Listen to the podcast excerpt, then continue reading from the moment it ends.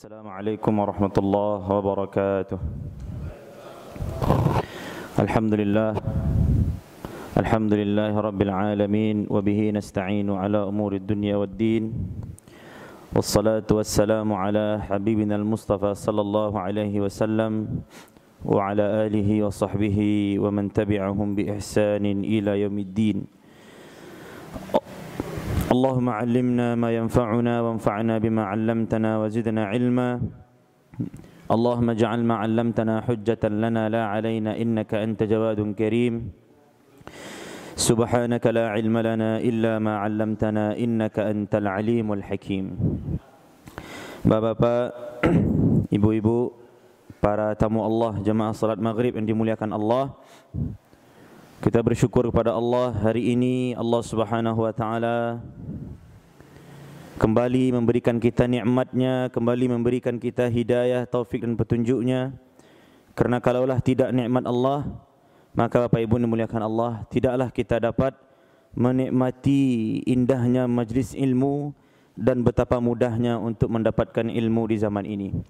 Bapak Ibu dimuliakan Allah Subhanahu wa taala, di saat teknologi berkembang, ilmu mudah didapat, maka itu adalah nikmat dari Allah Subhanahu wa taala.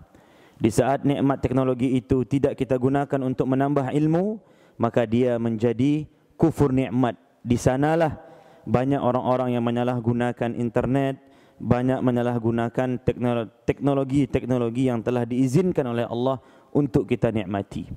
Bapak Ibu dimuliakan Allah Subhanahu wa taala, banyaknya majlis ilmu hendaknya menambah ketaatan kita kepada Allah dan hendaknya menambah kualitas amal soleh kita. Banyak orang yang mengikuti majlis ilmu dengan alasan ikut-ikutan. Ya, orang tak keluar masjid, ambo tak keluar juga. Ada orang yang menuntut ilmu alasannya kerana lagi musim. Ada orang yang menuntut ilmu ikut majlis ilmu, ikut majlis-majlis zikir. Alasannya ya kerana temannya atau saudaranya atau siapanya ikut. Jadi dia ikut-ikutan. Maka orang-orang yang seperti ini Bapak Ibu dimuliakan Allah, dia tidak akan mendapatkan apa-apa dari majlis ilmu kecuali hanya buang-buang waktu saja. Maka Bapak Ibu dimuliakan Allah Subhanahu wa taala, hendaknya memang setiap kita yang hadir di majlis ini kita perbarui niat kita hanya untuk Allah, menuntut ilmu, mempelajari sirah nabawi, mempelajari perjalanan hidup Nabi Muhammad sallallahu alaihi wasallam. Yang insyaallah pada kesempatan yang mulia ini kita akan sedikit berdiskusi tentang Ghazwatul Khandaq yaitu peristiwa Khandaq atau perang Khandaq. Bapak Ibu dimuliakan Allah, kajian Iqra mengamanahkan kepada kami membahas Ghazawatun Nabi sallallahu alaihi wasallam, membahas peperangan-peperangan yang diikuti oleh Nabi Muhammad sallallahu alaihi wasallam. Dan perlu kita ketahui Bapak Ibu, Perang bukanlah langkah awal untuk berdakwah. Perang bukanlah langkah awal untuk menyebarkan Islam, akan tetapi yang menjadi langkah awal dalam dakwah Nabi adalah kedamaian. Karena makna dari Islam sendiri adalah damai. Maka tidak mungkin rasanya membawa kedamaian dengan perang untuk sebagai langkah pertama. Jadi kalau ada orang yang mengatakan Islam itu agama perang, Islam itu agamanya ya agama maunya berkelahi, membom, main keras saja, tunggu dulu.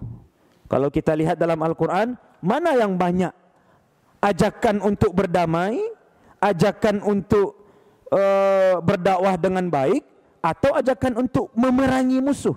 Nah, coba dibanding-bandingkan mana yang banyak perintahnya. Maka akan kita temukan yang banyak perintahnya adalah ajakan Ajaklah orang berdakwah dengan baik, dengan damai. Dakwahkan agama ini dengan santun. Baru kalau mereka melawan, kalau mereka mengajak perang atau kalian diserang, baru serang, baru perang. Jadi apa Ibu dimuliakan Allah Subhanahu wa taala, perang adalah bagian terakhir di dakwah Nabi setelah mendakwahkan musuh-musuh Allah dengan cara yang baik. Bapak Ibu dimuliakan Allah, perang pertama yang dicatat sejarah walaupun sebenarnya bukan itu perang pertama kali tapi perang besar pertama yang dicatat dalam As-Sirah An-Nabawiyah adalah Ghazwatul Badr Al-Kubra. Ya, perang Badar dan kita sudah bahas itu. Perang Badar ini uh, kita sudah bahas bagaimana Rasulullah SAW di saat itu dan kemenangan berada di tangan umat Islam. Dan Bapak Ibu dimuliakan Allah Subhanahu Wa Taala, jumlah pasukan pada saat itu juga tidak berimbang antara kaum muslimin dengan musyrikun. Kaum muslimin jumlahnya hanya 315, adapun musyrikun jumlahnya seribuan. Bapak Ibu dimuliakan Allah Subhanahu wa taala, kemudian perang Uhud. Kalau di perang Badar, musuh Rasulullah dan para sahabat adalah kaum kafir Quraisy. Itu musuhnya, musuh yang jelas. Di perang Uhud, pasukan Nabi Muhammad sallallahu alaihi wasallam yang berangkat dari Madinah ke Uhud jumlahnya seribu. Kita sudah bahas uh, bulan lalu kalau tidak salah. Lalu gara-gara musuh pertamanya, gara-gara musuh dalam selimut kita, siapa? Al-munafiqun. Gara-gara orang munafik yang tadinya 1300 balik ke Madinah. Para pengecut tidak berani berperang dengan banyak alasan kembali ke Madinah. Jadi kalau perang Uhud, musuh Nabi, munafik, kemudian kafir Quraisy yang datang dari Mekah. Setelah perang Uhud Bapak Ibu dimuliakan Allah, ada lagi namanya Ghazwatul Khandaq, perang Khandaq.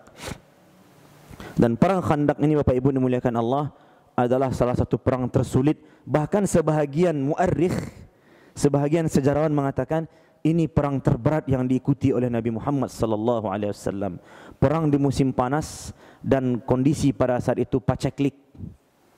Korma tidak tumbuh dengan baik, air susah untuk didapat, makanan susah untuk diperoleh dan awak harus parang. Bapak Ibu dimuliakan Allah Subhanahu wa taala, sebuah kabilah bernama Bani Nudair atau Bani Nadir adalah kabilah Yahudi. Ingat Bapak Ibu, kata kunci dari perang Khandaq ini adalah Yahudi. Orang-orang Yahudi lah yang menyebabkan terjadinya perang Khandaq. Orang-orang Yahudi lah yang menghidupkan api perang Khandaq. Tapi bukan mereka yang berperang. Dari perang Khandaq, pelajaran pertama yang bisa kita ambil adalah Yahudi adalah musuh kita yang nyata dan mereka adalah musuh yang pengecut. Kenapa pengecut?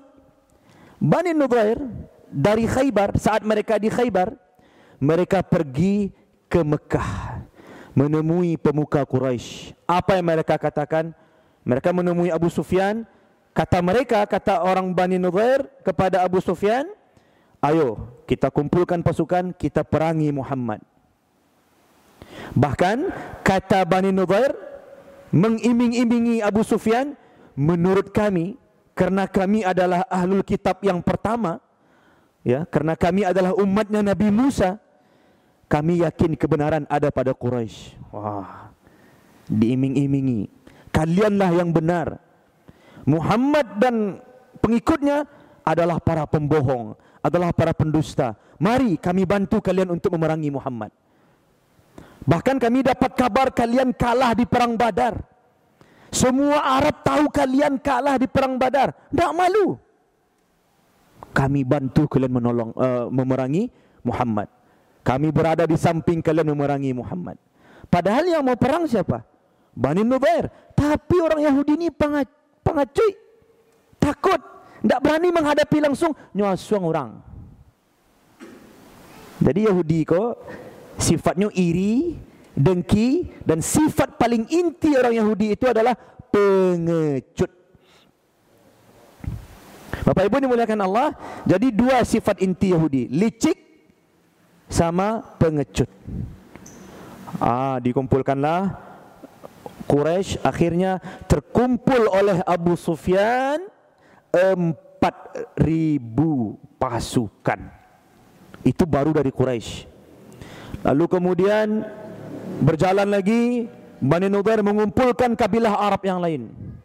Allah tahu kumpul sampai ribu Quraisy sudah siap berperang. Kumpulkan. Ketemulah dari Bani Sulaim. Lalu dapat juga dari Bani Ghatafan, suku Ghatafan. Akhirnya terkumpullah satu pasukan yang berasal dari banyak suku, yang berasal dari banyak kelompok. Satu pasukan berkumpul yang berasal dari banyak kelompok. Makanya disebut Al-Ahzab. Apa arti Al-Ahzab? Artinya kelompok. kalau bahasa kontemporernya partai. Jadi Bapak Ibu, apa bahasa Arab partai? Hizbun. Apa bahasa Arab banyak partai? Ahzab. Di mana bisa dilihat? Ada Quran surat Al-Ahzab. Itu artinya adalah kelompok-kelompok yang berkumpul menjadi satu untuk menyerang Nabi Muhammad sallallahu alaihi wasallam. Jadi nama perang ini banyak salah satunya Al-Ahzab. Satu. Jadi kenapa disebut Al-Ahzab? Karena suku-suku Arab dikumpulkan oleh Yahudi pengecut untuk memerangi Nabi Muhammad sallallahu alaihi wasallam yang berada di Madinah. Berapa terkumpul? 10 ribu. 4 ribu dari Quraisy, 6 ribu dari Ghatafan, dari Bani Sulaim dan dari kabilah-kabilah Arab yang lain. Bapak Ibu dimuliakan Allah Subhanahu wa taala, 10 ribu pasukan ini bersiap untuk bergerak menuju Al-Madinah Al-Munawwarah untuk mengepung dan membunuh Nabi Muhammad sallallahu alaihi wasallam. Bapak Ibu dimuliakan Allah, para hadirin yang berbahagia. Mendengar kabar ini, Rasulullah sallallahu alaihi wasallam mengumpulkan para sahabat. Lalu kata Rasulullah sallallahu alaihi wasallam, Aku mendengar ada sepuluh ribu pasukan begini mau menyerang kita. Apa pendapat kalian? Lihat, sebagaimana perang Uhud, Rasulullah juga mengedepankan musyawarah. Sangat berhak untuk memutuskan tanpa musyawarah. Beliau bukan pemimpin biasa. Beliau kepala negara, iyo. Kepala apa pimpinan perang, iya. Nabi iya, Rasul iya, sangat berhak untuk memutuskan sendiri tanpa musyawarah. Tapi Rasulullah tetap mengedepankan asas musyawarah. Rasulullah kumpulkan para sahabat banyak pendapat-pendapat-pendapat. Akhirnya siapa yang berdiri? Salman Al-Farisi radhiyallahu an. Seorang sahabat yang datang dari Persia sana. Apa kata Salman radhiyallahu an? Ya Nabi Allah, wahai Rasulullah, dahulu kami di Par di Persia sana, Persia ya, bukan Paris.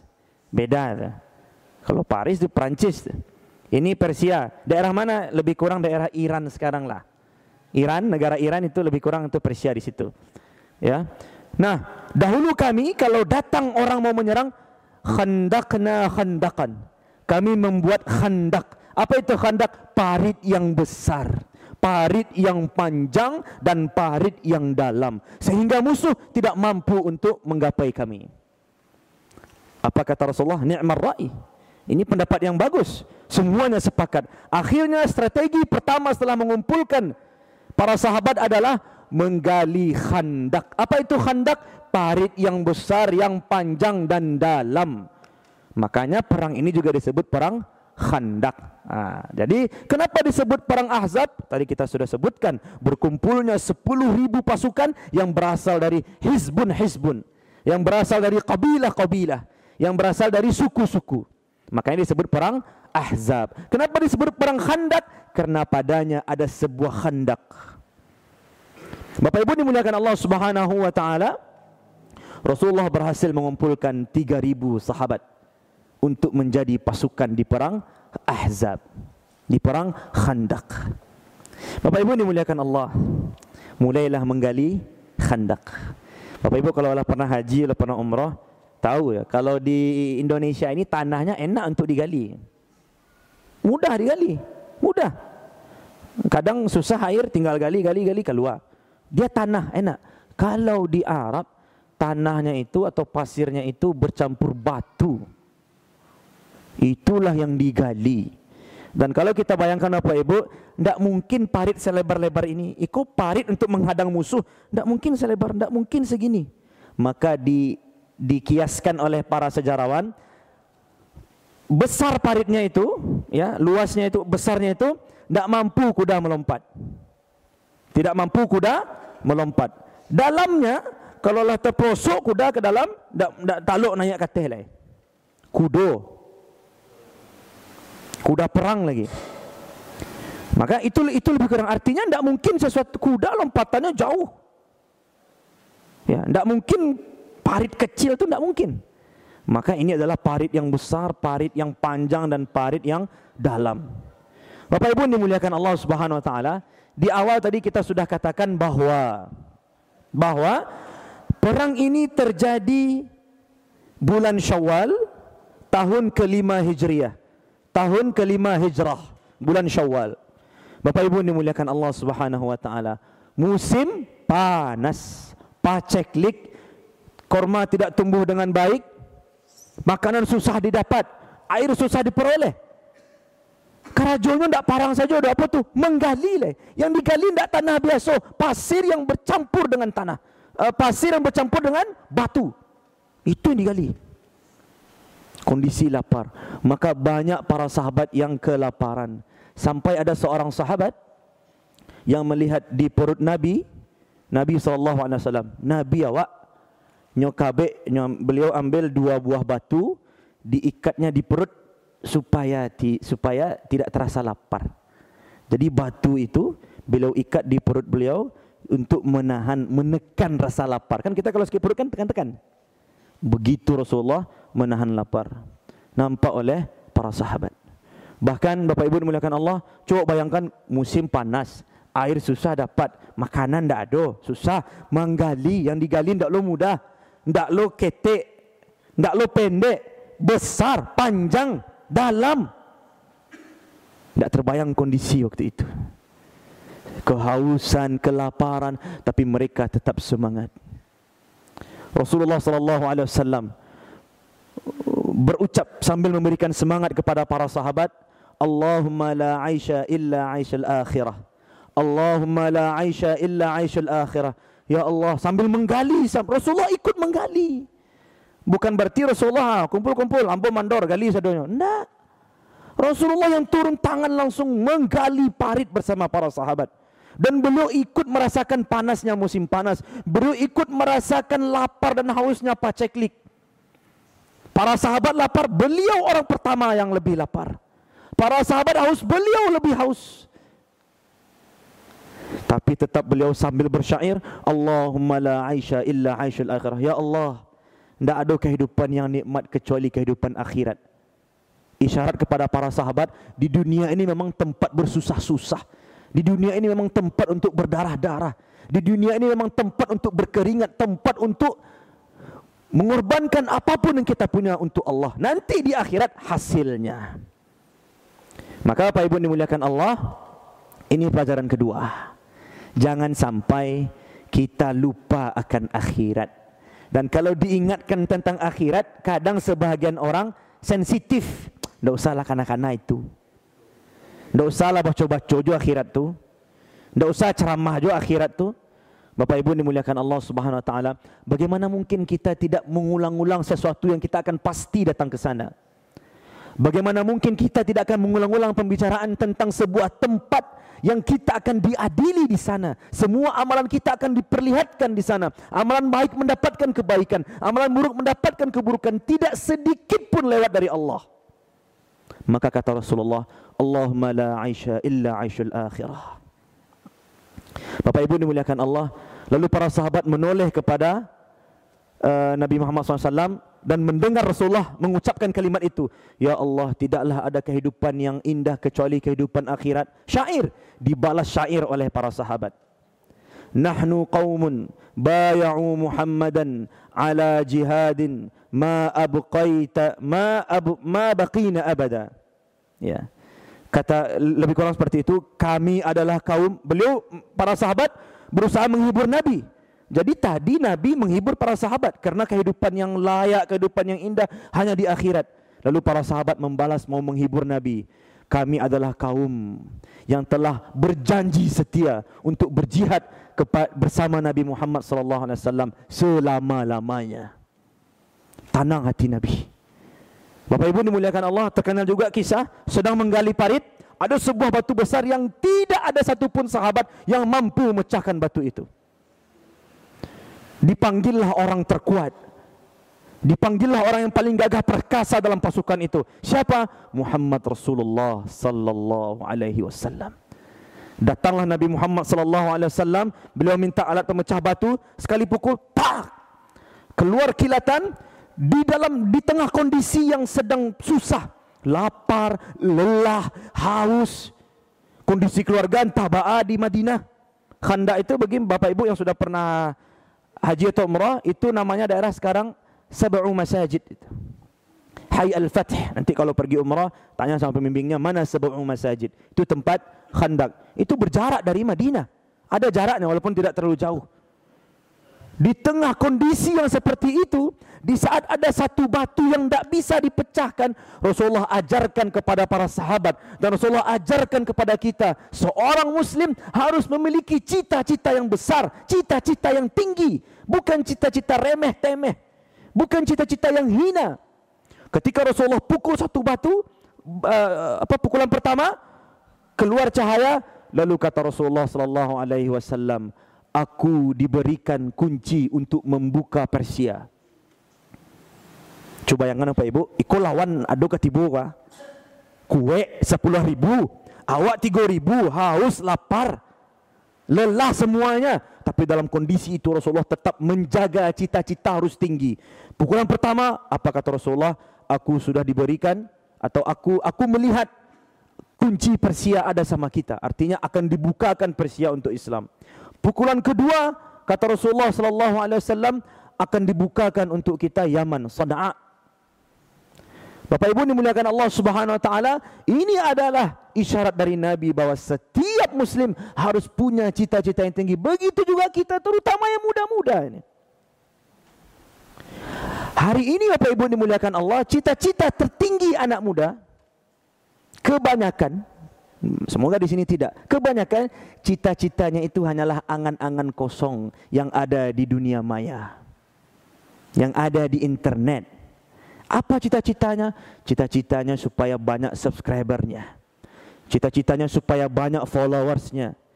Ikut di dunia maya Pak. Supaya banyak yang nonton videonya.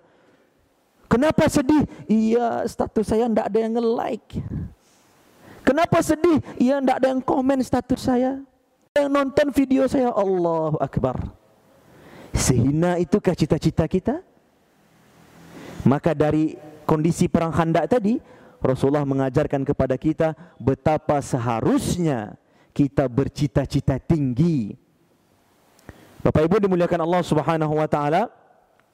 Salah seorang syekh, Syekh Nabil Al-Audi hafizahullah, beliau dari Kuwait, beliau bercerita pernah didatangi oleh seorang pemuda habis salat Jumat. Lalu kemudian pemuda ini mendekati syekh ini, ya khatib Jumat biasa datang, ni tarik tangan syekh. Syekh, ambo ingin mau tas sebentar. Apa kata syekh?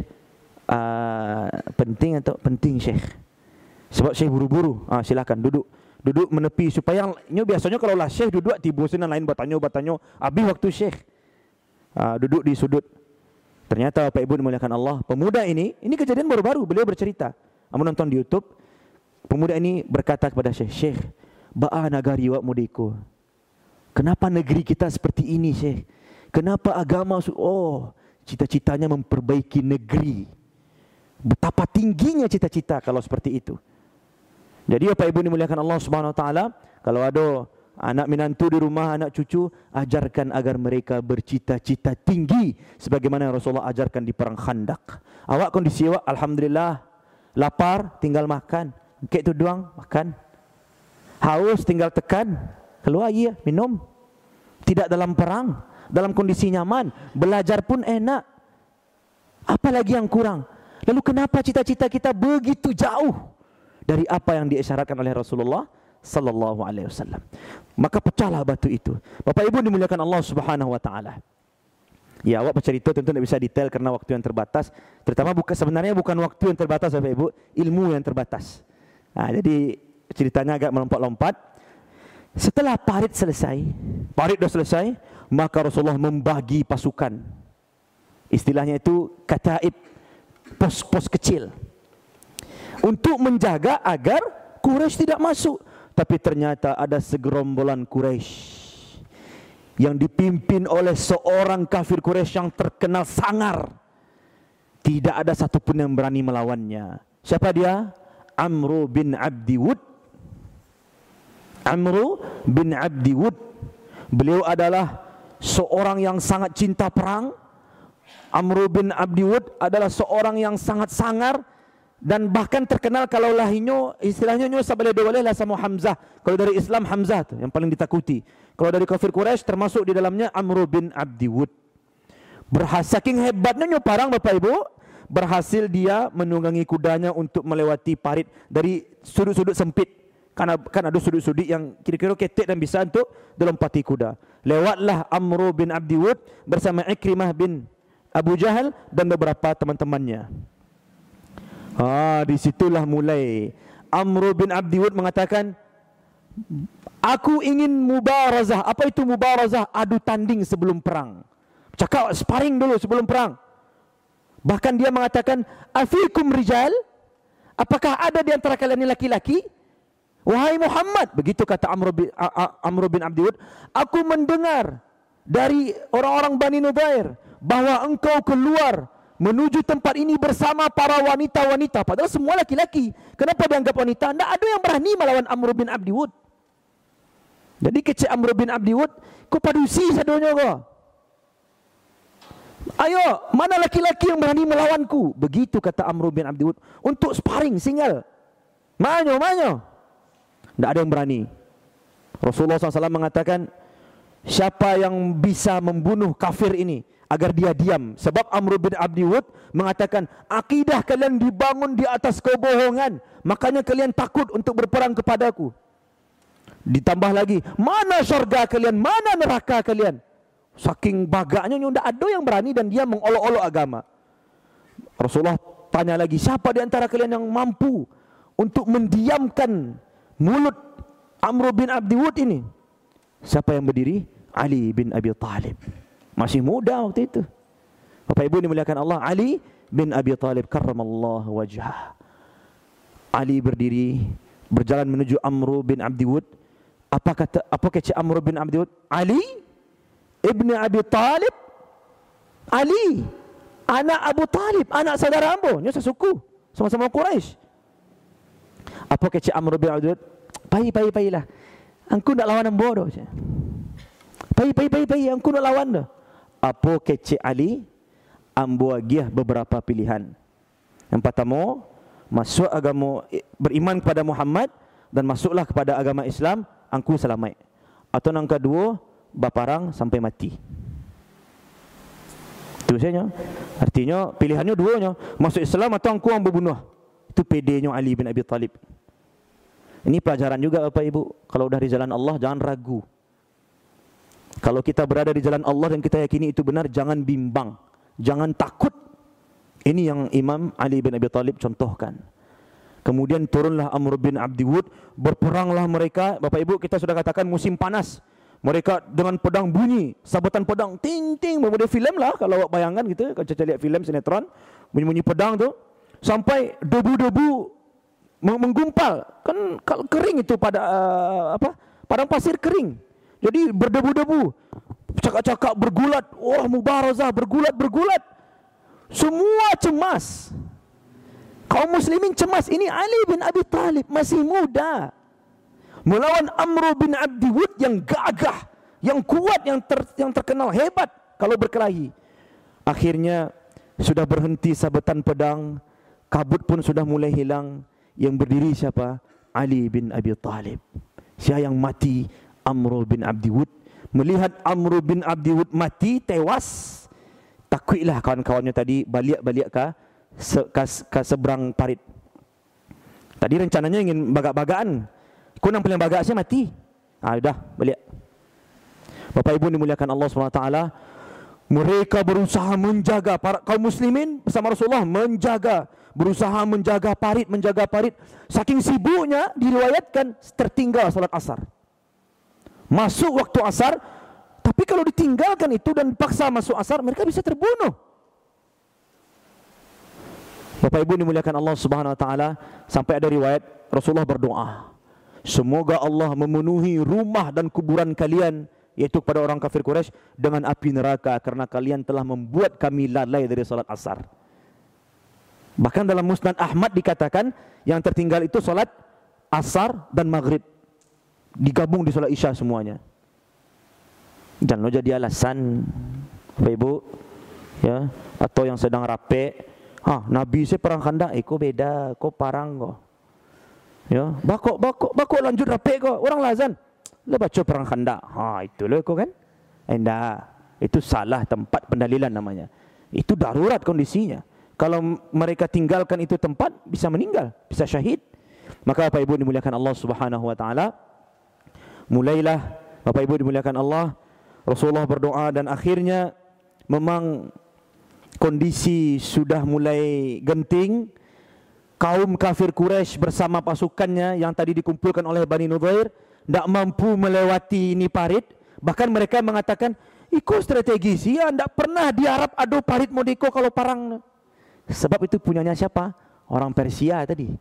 Heran mereka tidak persiap untuk itu maka Bani Nudair tidak kehabisan akal Awak capek siapa ibu? Akhirnya Bani Nadir pergi ke sisi Madinah yang lain. Ke sisi Madinah yang lain yang tidak ada paritnya. Siapa yang tinggal di sisi itu? Bani Quraizah. Suku Yahudi yang sudah bersepakat dan berjanji untuk setia kepada Nabi. Mereka tinggal di Madinah, Bani Quraizah. Tapi mereka sepakat untuk setia kepada Nabi. Tidak tidak mengkhianati janji. Tapi yang namanya orang Yahudi licik. Bani Nudair pergi ke rumah uh, Ka'ab bin Sa'ad kalau tidak salah nama pemimpin Quraizah mengetok pintu buka buka buka buka. Tak dibukaan dek. Ka'ab bin Sa'ad. Ka'ab bin Asad. Tak tak dibukakan. Kemudian akhirnya di lobi-lobi akhirnya dibuka. Mengapa mari ke cek Ka'ab. Ini bukan Ka'ab bin Malik ya Ka'ab bin Asad Yahudi dari Bani Quraizah kami datang membawa suku Quraisy kecik Bani Nudair tadi. Kami datang membawa suku Ghatafan Bani Sulaim. Pokoknya ikutlah sama kami, maka kalian akan beribawa. Suku Bani Quraizah ini akan beribawa. Maka apa kata Ka'ab bin Asad? Sungguh kami tidak melihat kecuali kebaikan yang ada pada Muhammad dan sahabat-sahabatnya. Kamilah berjanji, kamilah sepakat dan Ambo tidak akan pernah mengkhianati janji ko. Begitu awalnya kata Bani Quraizah. Tapi tidak kehabisan akal Bani Nudair. Kalau tidak salah, Huyai bin Akhtab ya dari Bani Nudair. Lobi, lobi, lobi. Akhirnya setujulah Bani Quraizah. Berkhianat. Coba bayangkan Bapak Ibu. Dari balik parit, ada kafir Quraisy. Dari belakang, ada Bani Quraizah dan dari Bani Nudair. Kalaulah mereka ikut perang semuanya, habis Madinah. Habis. Cuma tahulah Yahudi pengecut. Tidak berani. Maka Bapak Ibu dimuliakan Allah Tersebar kabar bahwasannya Bani Qurezah berkhianat. Mereka mau menusuk kita dari belakang. Begitu kabarnya. Maka Bapak Ibu dimuliakan Allah Subhanahu Wa Taala Sebagian orang munafik Sebagian orang munafik Mereka mengatakan Ayo pulang, pulang, pulang Selamatkan keluarga awak Padahal komandan perang Rasulullah tidak memerintahkan untuk pulang. Akhirnya Bapak Ibu dimuliakan Allah SWT. Singkat cerita, nanti sebenarnya setelah perang khandak, ada lagi namanya perang Bani Quraizah. Saatnya menghukum Bani Quraizah. Nah, itu, itu, itu, itu setelah perang khandak. Tuh. Bahkan mereka diperangi karena mereka pengkhianat. Pengkhianat bangsa. Tuh. Makanya diperangi. Itu nanti setelah perang khandak. Bapak Ibu dimuliakan Allah SWT. Singkat cerita, ya di satu malam sudah lebih sebulan Rasulullah dan para sahabat dikepung lebih sebulan kemudian di satu malam Allah kirimkan ya ya uh, Rasulullah berdoa Rasulullah berdoa ya Allah pecah belahkanlah ahzab cerai beraikanlah mereka tadi kan sudah bersatu siapa yang mempersatukan Bani Nubair kemudian Rasulullah berdoa ya Allah ihzimil ahzab cerai beraikanlah itu ahzab. Allah kirimkan satu makhluk bernama angin. Angin yang amat sangat dingin dan kencang. Yang membuat kemah mereka porak-poranda. Binatang ternak mereka lari. Makanan mereka tumpah berserak-serak sadunya. Perang tidak terjadi. Artinya perang yang memang betul-betul face to face. Uh, pasukan sahabat dengan kafir Quraisy itu tidak terjadi. Allah hanya kirimkan angin dan akhirnya mereka semua lari. Pontang panting, tidak jelas lagi. Pecahlah itu kelompok-kelompok. Maka Bapak Ibu dimuliakan Allah Subhanahu Wa Taala, setelah berlalu malam itu di satu malam berikutnya Rasulullah sallallahu alaihi wasallam mengumpulkan para sahabat. Apa kata Rasulullah? Apakah ada di antara kalian yang mau mengendap-ngendap? Karena Rasulullah tidak tahu apa kondisi kafir Quraisy itu kini. Apa kondisi musuh? Rasulullah tidak tahu. Karena angin kencang, dingin. Jadi Rasulullah tawarkan siapa yang mampu, siapa yang mau untuk pergi ke sisi musuh mencari apa kondisi mereka. Tidak ada yang mau. Bahkan kata Rasulullah, barang siapa yang mau pergi ke sana mengendap-endap melihat kondisi musuh, Allah kalah tualun. Bah kondisi mereka mengabari kami, tidak ada yang mau. Kata Rasulullah bahkan dia menjadi temanku nanti di syurga. Tidak ada yang mau. Kenapa? Takut. Kondisi pada saat itu memang sangat mencekam Bapak Ibu dimuliakan Allah. Taulah parang. Yang namanya parang kalau tidak dibunuh, kalau tidak membunuh, dibunuh. Maka Bapak Ibu dimuliakan Allah Subhanahu wa taala, Kemudian akhirnya Rasulullah memanggil seorang nama siapa? Hudzaifah ibn Yaman.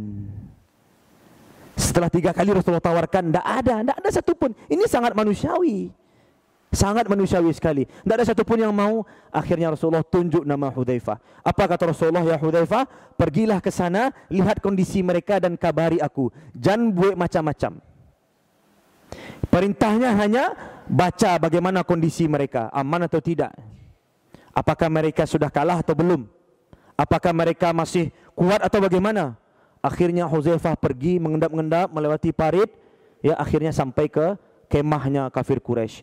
Dan Abu Huzaifah melihat semua porak-poranda, wajah kecemasan ada pada mereka semua. Dan Abu dan uh, Huzaifah melihat Abu Sufyan sedang menghangatkan badan di dekat api. Ya? Dan Uzaifah berada persis di depan Abu Sufyan. Uzaifah sudah siapkan panahnya ingin memanah Abu Sufyan karena komandan perang dari kafir Quraisy Abu Sufyan. Kata Uzaifah kau kalau ambil lapeh kau habis Abu Sufyan. Tapi saat Abu Huzaifah mau melepas saat Huzaifah mau melepas apa katanya? Aku teringat pesan Nabi jangan buat macam-macam. Perintahnya cieknya Cari kondisi mereka lalu kabari ambo. Itu kata Nabi. Maka Bapak Ibu dimuliakan Allah, tidak jadi dilepas oleh Huzaifah ibn Yaman dan akhirnya Huzaifah kembali ke uh, pasukan Rasulullah SAW dan mengabari sesungguhnya Abu Sufyan mengatakan, Ya kaum, inni raji'un ila Makkah. Wahai tentara-tentara, ambo balik ke Makkah leh.